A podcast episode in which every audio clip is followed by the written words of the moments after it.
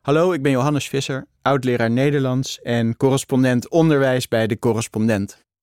Je gaat luisteren naar een artikel dat ik schreef over die ene vraag die leerlingen zo vaak stellen. Is het voor een cijfer? Ik blijf me erover verbazen. Zodra leerlingen klaar zijn met hun eindexamen, nemen ze een tussenjaar of gaan ze backpacken in het buitenland om zichzelf te ontdekken. Wat hebben ze al die jaren op school dan gedaan? Ze hebben er veel moeten doen omdat het voor een cijfer was. Volgens het Landelijk Actiecomité Scholieren, het LAX, hebben leerlingen te lijden onder een ongezonde focus op toetsen en cijfers. Ik citeer: Scholieren rollen van de ene naar de andere toets en zitten te stressen of ze wel genoeg geleerd hebben. Als de toets voorbij is, is de stof weer snel vergeten en leert de scholier dus alleen voor een cijfer niet om de stof te onthouden of toe te passen. Kortom, zweten, weten, vergeten. Einde citaat. En dat is een probleem. Een op de drie leerlingen in het voortgezet onderwijs voelt zich niet vrolijk, ontspannen en energiek, wordt niet uitgerust wakker en zegt weinig bezig te zijn met interessante dingen. Meer dan de helft van de 12 tot 16-jarigen heeft meer dan eens per week fysieke klachten, zoals buik- en hoofdpijn, die niet verklaard kunnen worden door een lichamelijke aandoening, maar het gevolg zijn van psychische problemen of stress. Natuurlijk komt het niet door school alleen, maar onderzoekers zien onderwijs wel steeds vaker als een belangrijke oorzaak. Al is het maar omdat jongeren er een groot deel van hun jeugd slijten. Hoe kan onderwijs meer worden dan zweten, weten en vergeten? Onderwijs is een relatief nieuw experiment in de geschiedenis van de mens. Hoewel de moderne mens al 300.000 jaar op aarde rondloopt, ontstonden de eerste scholen pas zo'n 4000 jaar geleden. Voor kinderen in Nederland is onderwijs pas ruim 100 jaar verplicht. Tienduizenden jaren lang leerden kinderen de vaardigheden die nodig waren om te overleven, van oudere kinderen en volwassenen en vooral door veel te spelen zonder er ooit een cijfer voor te krijgen. Pas toen mensen na jaren rond te hebben gezworven langzaamaan gingen settelen, veranderde dat. Toen ze neerstreken om niet langer te jagen, maar om vee te houden, er niet op uit te gaan om vruchten te verzamelen, maar om gewassen te verbouwen, toen kleine gemeenschappen uitgroeiden tot grotere samenlevingen, ontstonden ook de eerste scholen. Leren werd onderwijs, en dat onderwijs moest kinderen voorbereiden op veel grotere systemen dan de kleine gemeenschappen van jager-verzamelaars waarin we zo lang geleefd hadden. Toen de overheid zich met het onderwijs begon te bemoeien, zo rond 1800, werd het fundament gelegd voor een onderwijssysteem dat tot op de dag van vandaag niet meer zoveel is veranderd. Dat systeem ontstond in een tijd van grote armoede en werkloosheid, Iets wat niet in de eerste plaats als een economisch, maar als een moreel probleem werd gezien. Het volk zou lui en dom zijn en van geen kant deugen. Kennis, zo was het geloof, zou leiden tot deugd en deugd tot burgers die willen werken.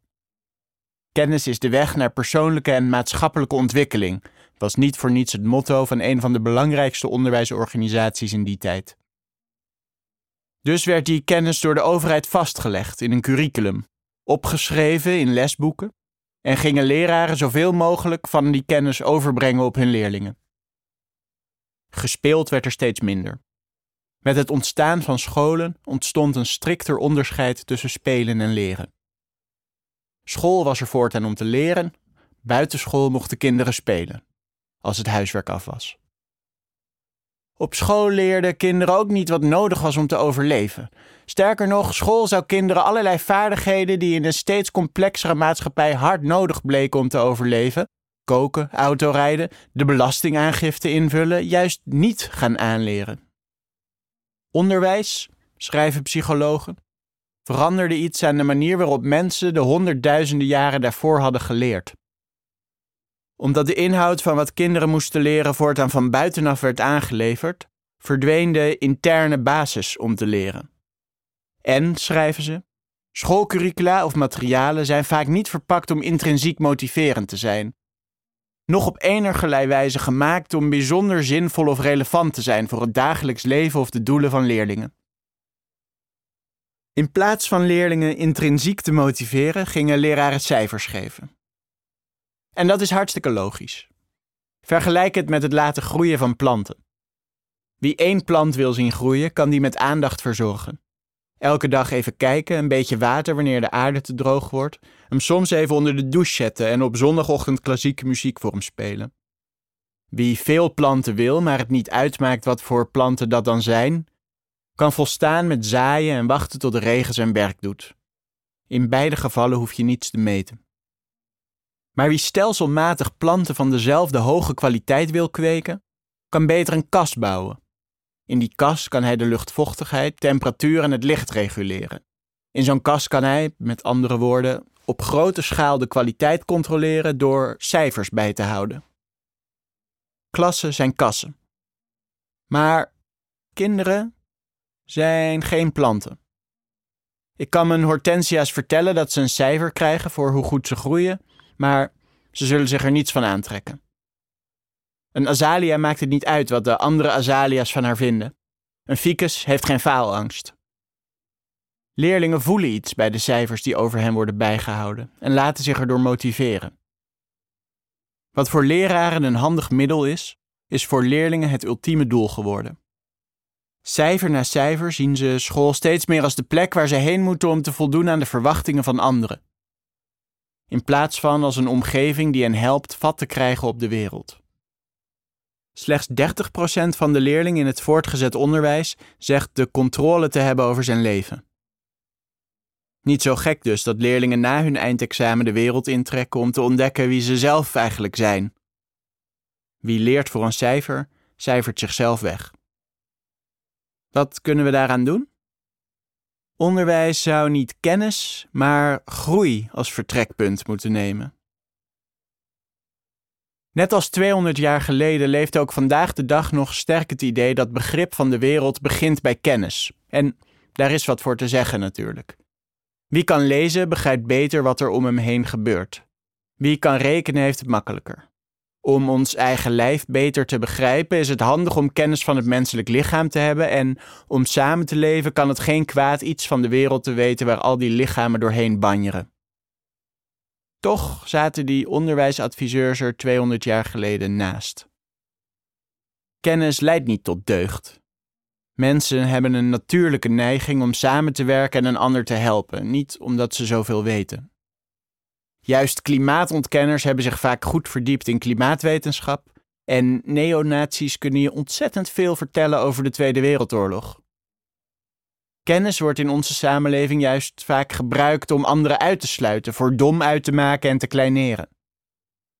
We nemen iemand niet meer serieus als hij een T schrijft waar een D hoort en winden ons erover op als een kandidaat in de slimste mens niet weet waar Bonifatius vermoord werd. En vooral hoogopgeleiden discrimineren graag op basis van opleidingsniveau. Kennis leidt ook niet tot persoonlijke groei. Het is eerder andersom. Persoonlijke groei leidt tot kennis. Want kennis begint niet bij wat er in het lesboek staat, maar bij de wil te weten wat er in dat lesboek staat. Een leerling die niet geïnteresseerd is in hoe de 80-jarige oorlog begon of hoe fotosynthese werkt, zal de grootste moeite hebben te onthouden wat de leraar uitlegt. Een leerling die open staat om de wereld te ontdekken, leert onderweg van alles. En het is kennis die beklijft. En, ontdekte psychologen afgelopen decennia, voor die persoonlijke groei zijn drie grondstoffen nodig: autonomie, competentie en verbondenheid. Mensen, in welke cultuur ze ook leven, wat hun gender ook is, willen het gevoel hebben dat ze iets te kiezen hebben in hun leven dat ze goed zijn in wat ze doen en er beter in kunnen worden, en dat ze betekenisvolle relaties hebben met anderen. Voelen mensen zich autonoom, competent en verbonden, dan willen ze hun grenzen verleggen en de wereld verkennen. Geef leerlingen iets te kiezen, laat ze succes ervaren en bouw een band met ze op, en ze staan open om al die belangrijke kennis op te doen. En dat niet alleen. Die drie grondstoffen voor groei maken ook dat kinderen gezond opgroeien. Terwijl mensen die zich niet autonoom, competent en verbonden voelen, juist allerlei psychische problemen als angststoornissen en depressieve klachten ontwikkelen. Dus is die vergelijking tussen kinderen en planten toch niet zo gek. Cijfers die we bijhouden om planten te kweken gebruiken we om de luchtvochtigheid, temperatuur en het licht te reguleren, de drie grondstoffen waar ze van groeien. Scholen, zou je kunnen zeggen, houden dus de verkeerde cijfers bij. Ze houden geen cijfers bij over de grondstoffen die leerlingen nodig hebben om te groeien, maar cijfers die hen juist klein houden. Want cijfers geven leerlingen geen autonomie, maar zijn een vorm van controle.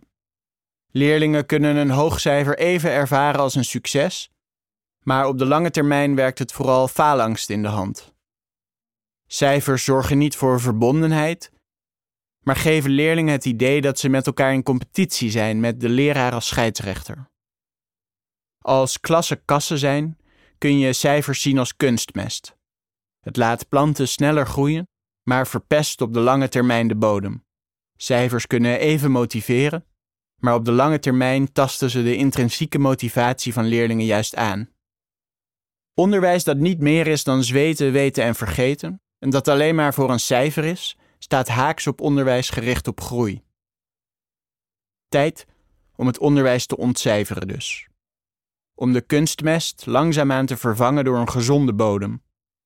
Na vier, vijf of zes jaar onderwijs zou iedere leerling niet alleen moeten slagen met een goed rapport, maar ook met een backpack aan betekenisvolle ervaringen. Beste luisteraars, mijn naam is Rutger Bregman en ik heb nog even een bericht voor jullie aan het eind van dit schitterende luisterverhaal. Wij gaan een grote verkiezingsshow opnemen. Sterker nog, we hebben de eerste afleveringen al gemaakt. Vrijdag gaat die live in alle daarvoor beschikbare kanalen waar je ook zit. Of dat nou Apple is of Spotify, het maakt mij niet uit. Uh, abonneer je op de grote verkiezingsshow, want Jesse Frederik, mijn zeer geliefde collega, en ik interviewen de grote lijsttrekkers van deze verkiezingscampagne. Iedereen die we konden krijgen. En we hebben het motto om daarvan de saaiste gesprekken te maken die je maar kan vinden deze hele campagne. Dus over de feiten, de cijfers, de dossiers. Taaier dan taai. Niks over peilingen en poppetjes. Uh, goed voor het slapen gaan. Uh, maar vooral ook goed als je meer wil weten van de inhoud. Uh, dus ga naar de grote verkiezingsshow. Um, in jouw podcastkanaal. Abonneer je. Um, en dan wordt het hartstikke mooi. Tabé. De correspondent bestaat tien jaar. Al tien jaar maken wij journalistiek voorbij de waan van de dag. Journalistiek die niet polariseert, maar perspectief biedt. Die geen ophef najaagt, maar oplossingen zoekt. Wist je dat de correspondent 100% door leden wordt gefinancierd? Dat betekent dat we ons werk alleen kunnen doen als luisteraars zoals jij ons steunen. Word vandaag nog lid. En draag bij aan diepgavende, advertentievrije en onafhankelijke journalistiek. Ga naar decorrespondent.nl en word lid.